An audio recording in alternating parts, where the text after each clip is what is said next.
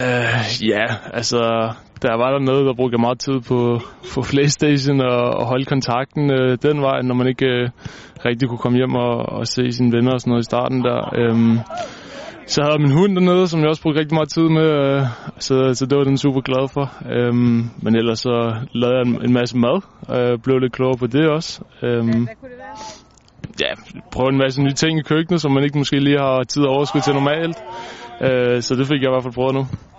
Jeg har hængt ud med, med min familie, øh, med min kæreste, med min hund ikke mindst. Øh, ja, været op i sommerhus og forløbet nogle ture. Og jeg hjalp kort min, min far øh, til at annex op i, op i, øh, op i vores sommerhus. Øh, der gik jeg lidt og, og legede med det sammen med ham. Øh,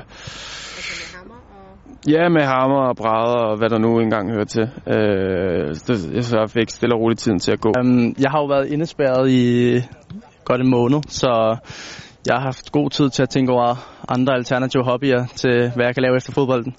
Så jeg har, jeg har fået en ny hund. Øhm, ikke på grund af, at jeg har været alene, men øh, og så har jeg brugt tiden på, på strengene derhjemme på gitaren. Øhm, prøv at lære det. Så, så jo, det har, det har sgu været nogle hårde måneder, men, øhm, men hunden og, og gitaren har, har fandme gjort det bedre. Hvad har du lavet?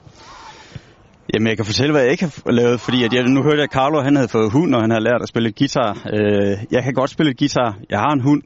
Øh, nej, jeg har set rigtig meget fodbold. Øh, gamle fodboldkampe på video. Prøvet at lære lidt der, blive lidt klogere på det.